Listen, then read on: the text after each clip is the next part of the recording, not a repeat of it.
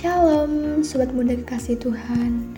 Perkenalkan, saya Deborah yang pada kesempatan kali ini akan menjadi host pada podcast Aku Mau Mengasihi Tuhan. Tentunya Sobat Muda sudah sering mengikuti setiap episode dari podcast ini kan? Podcast yang dibuat oleh Wonogiri Student Revival atau WSR mengajak Sobat Muda untuk belajar mengasihi Tuhan. Podcast ini akan rilis setiap hari Jumat jam 3 sore. Jadi, setialah mengikuti setiap episodenya ya. Jangan sampai ada yang terlewatkan. Supaya sobat muda semua bisa belajar dengan lengkap dan bisa mengalaminya dalam hidup sobat muda semua. Oke sobat muda semua, sekarang kita akan ngobrol-ngobrol lewat segmen BTW, Bincang-bincang Teman Weekend. Pada BTW kali ini, saya tidak sendirian. Saya akan bincang-bincang dengan tamu spesial untuk belajar bersama. Siapakah tamu spesial kita kali ini? Jangan ke mana-mana, stay tune terus di sini ya. BTW kali ini merupakan episode pembuka dari tema besar di bulan September, yaitu Teens in Trouble. Pastinya, sobat muda sudah penasaran kan dengan tema ini? Langsung saja, bersama saya sudah ada tamu spesial kita, yaitu Mas Herman. Oke, kita sapa dulu tamu spesial kita ya. Halo Mas Herman, apa kabar Mas? Halo Deborah, puji Tuhan kabar saya baik dan sehat. Deborah sendiri gimana nih kabarnya? Puji Tuhan, kabar saya juga baik dan sehat Mas. Kiranya sobat muda semua juga dalam keadaan yang baik dan sehat ya. Baik Mas Herman, mengawali tema besar Teens in Trouble ini, boleh dijelaskan selama satu bulan ke depan kita akan belajar tentang apa sebenarnya? Oke, Deborah. Teens in Trouble. Wah, ini tema yang kita akan bahas sepanjang bulan September ya. Kalau saya tanya nih kepada Deborah, apakah Deborah pernah mengalami kesulitan dalam hidup? Nah, saya yakin 100% jawabannya pasti sudah ya. Bahkan mungkin nih ya, mungkin Deborah dan juga sobat muda bahkan juga sedang mengalami kesulitan nih. Entah berkaitan dengan bidang hidup apa dan seberapa besar kesulitan yang sedang dialami. Nah, itulah kenapa tema kita adalah Teens in Trouble. Jadi selama sebulan ke depan, kita akan bersama-sama mengungkap berbagai kesulitan yang dialami oleh sobat muda yang rata-rata di usia remaja ini ya dan kita akan mencoba mencari tahu bagaimana cara Tuhan menyelesaikan kesulitan itu. Nah, begitu kira-kira Deborah. Wow, menarik sekali Mas Herman. Saya yakin tema ini sangat ditunggu-tunggu sobat muda semua. Lalu, sebenarnya apa sih Mas penyebab kita itu selalu mengalami kesulitan? Lalu, bagaimana sih penyelesaian yang Tuhan sediakan atas kesulitan-kesulitan itu? Ya, Pertanyaan Deborah ini penting sekali loh. Ini menjadi hal paling awal yang harus kita ketahui sebelum nantinya akan mengurai bentuk-bentuk kesulitan hidup para remaja itu apa saja sih? Nah, mengapa manusia selalu mengalami berbagai macam kesulitan hidup? Bahkan bukan hanya kaum remaja sebenarnya kan? Sejak masih bayi, balita, pemuda, dewasa, sampai sudah lanjut usia pun semuanya pasti mengalami berbagai kesulitan hidup. Nah, jawaban dari semua persoalan itu tadi kita dapat temukan dalam kitab Kejadian. Kitab Kejadian pasal 3 ayat 16 sampai 19 dan ayat 23. Kejadian pasal 3 ayat 16 sampai 19 dan ayat 23. Saya akan bacakan untuk kita. Firmannya kepada perempuan itu, Susah payahmu waktu mengandung akan kubuat sangat banyak. Dengan kesakitan engkau akan melahirkan anakmu. Namun engkau akan berahi kepada suamimu dan ia akan berkuasa atasmu. Lalu firmannya kepada manusia itu, karena engkau mendengarkan perkataan istrimu dan memakan dari buah pohon yang telah kuperintahkan kepadamu, jangan makan daripadanya, maka terkutuklah tanah karena engkau. Dengan bersusah payah, engkau akan mencari rezekimu dari tanah seumur hidupmu. Semak duri dan rumput duri yang akan dihasilkannya bagimu, dan tumbuh-tumbuhan di padang akan menjadi makananmu.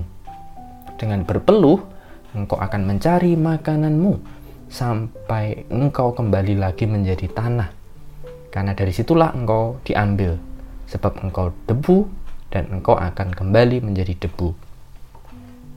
Lalu Tuhan Allah mengusir dia dari Taman Eden supaya ia mengusahakan tanah dari mana ia diambil. Ya, jadi sobat muda, asal mula dari semuanya adalah manusia kenapa mengalami kesulitan hidup itu karena kejatuhannya ke dalam dosa. Ingat ya, kejatuhannya ke dalam dosa. Nah, status manusia yang berdosa itu berdampak pada berbagai kesulitan hidup yang menjadi konsekuensinya. Tadi ditunjukkan sebagai perempuan, Hawa waktu itu sampai semua perempuan sampai saat ini harus mengalami kesakitan saat mengandung dan melahirkan anak. Tapi seorang perempuan itu juga ingin punya anak. Tadi dikatakan dia akan berahi kepada suaminya dan suaminya akan berkuasa atasnya. Ini. Lalu laki-laki Adam dan juga semua laki-laki sampai saat ini itu akan bersusah payah, harus bersusah payah dalam mencari nafkah sepanjang hidupnya sampai akhirnya nanti meninggal, menjadi tanah, menjadi debu. Bahkan, sobat muda semua, yang lebih mengerikan tadi, manusia itu akhirnya terusir dari hadapan Allah. Manusia itu hubungannya terpisah dari Allah. Dan kalau kita melihat di kitab perjanjian baru, di kitab Wahyu, saya bacakan Wahyu 21 ayat 8. Tetapi orang-orang penakut, orang-orang yang tidak percaya, orang-orang keji, orang-orang pembunuh, orang-orang sundal, tukang-tukang sihir, penyembah-penyembah berhala, dan semua pendusta, mereka akan mendapat bagian mereka di dalam lautan yang menyala-nyala oleh api dan belerang. Inilah kematian yang kedua. Ya, dari ayat ini ditunjukkan dengan tegas bahwa semua manusia yang sampai akhir hidupnya masih dikuasai dosa, dia masih terpisah dari Allah, maka alamatnya itu sudah jelas, sudah pasti adalah masuk ke dalam kematian kekal atau sering kita kenal neraka, lautan yang menyala-nyala oleh api dan belerang. Wah, mengerikan sekali bukan kesulitan utama hidup manusia itu. Dan kadang kita, sobat muda, kaum remaja, belum menyadari sebegitu mengerikannya sebenarnya kesulitan hidup yang utama yang dialami oleh manusia termasuk di dalamnya juga kaum remaja. Nah selain kesulitan utama ini seumur hidupnya manusia ini juga tidak akan pernah lepas dari kesulitan-kesulitan lain. Apalagi kesulitan karena belenggu dosa tadi. Nah, karena kesulitan dari belenggu dosa ini tidak bisa dilepaskan oleh manusia itu sendiri, maka Allah sendiri yang bertindak menyatakan anugerahnya untuk menyelamatkan manusia berdosa itu sehingga manusia pun bisa bebas lepas dari kesulitan utama. Lewat siapa? Lewat karya Yesus Kristus di kayu salib. Nah, inilah satu-satunya jalan untuk manusia lepas dari kesulitan utama, yaitu dosa. Nah, pertanyaannya begini, mengapa ya kok karya Yesus Kristus di kayu salib bisa menyelamatkan manusia dari kesulitan utama, dosa? Jadi, kita lihat hukuman kekal dosa itu tidak pernah mampu dibayar lunas oleh manusia. Maka, manusia ini perlu satu pribadi yang sama sekali tidak berdosa yang harus membayarkan dengan menggantikan hukuman dosa itu sehingga manusia bisa selamat. Hukuman itu harus dibayar. Nah, sekarang apa yang harus dilakukan manusia supaya mengalami keselamatan anugerah Allah ini? Lagi-lagi, satu-satunya cara adalah dengan bertobat dan percaya kepada Sang Juru Selamat itu tentu saja ya, Yesus Kristus. Saya bacakan dari Yohanes 5 ayat 24.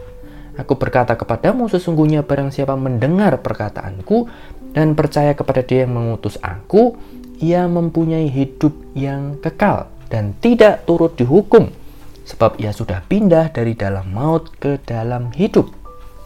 Lalu saya bacakan lagi dari kisah para rasul 20 ayat 21. Aku senantiasa bersaksi kepada orang-orang Yahudi dan orang-orang Yunani, supaya mereka bertobat kepada Allah dan percaya kepada Tuhan kita, Yesus Kristus. Nah, bagaimana dengan sobat muda? Apakah sudah mengambil keputusan untuk bertobat dan percaya kepada Yesus Kristus?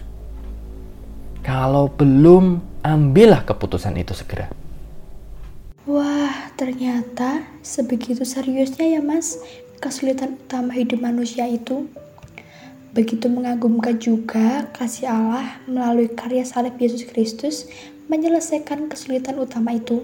Semoga sobat muda semua sudah mengambil keputusan untuk bertobat dan percaya kepada Yesus Kristus.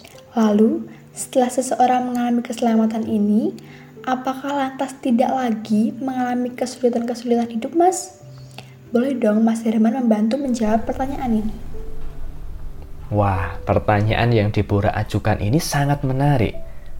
Jadi kesulitan utama manusia yaitu terpisah dari Allah dan kelak akan masuk dalam hukuman kekal di neraka itu jelas sudah beres ya melalui karya Kristus lalu ditanggapi dengan keputusan orang untuk bertobat dan percaya kepada Kristus. Nah, ini sudah clear, sudah selesai. Tetapi Persoalannya adalah manusia masih hidup di dunia yang berdosa ini. Maka berbagai kesulitan hidup manusia itu tidak bisa dihindarkan. Itu pasti akan dialami tanpa terkecuali kaum remaja. Nah, minggu ini kita baru membahas kesulitan utama kaum remaja dan ternyata sudah diselesaikan tuntas nih oleh Allah. Nah, barulah minggu-minggu ke depan selama bulan September ini, kita akan belajar dengan lebih rinci berbagai kesulitan para remaja di berbagai bidang hidupnya. Nah, kalau mau dikelompokkan nih, setidaknya ada empat kesulitan yang biasanya dialami. Nah, apa saja? Yang pertama, nilai diri. Ya, itu akan kita pelajari minggu depan. Ya, lalu persoalan selanjutnya relasi keluarga dan pergaulan. Kemudian persoalan yang ketiga relasi lawan jenis. Wah, ini pasti sobat muda juga pernah mengalami. Dan yang terakhir nanti persoalannya kesulitannya tentang studi dan gadget. Ya. Nah, sobat muda ikuti terus episode selanjutnya ya untuk bisa belajar lebih mendalam. Oke Mas Irman, terima kasih banyak ya untuk pelajaran yang dibagikan kali ini. Kiranya kita semua terberkati melalui perbincangan mengenai Teens in Trouble kali ini. Tuhan Yesus memberkati Mas Irman.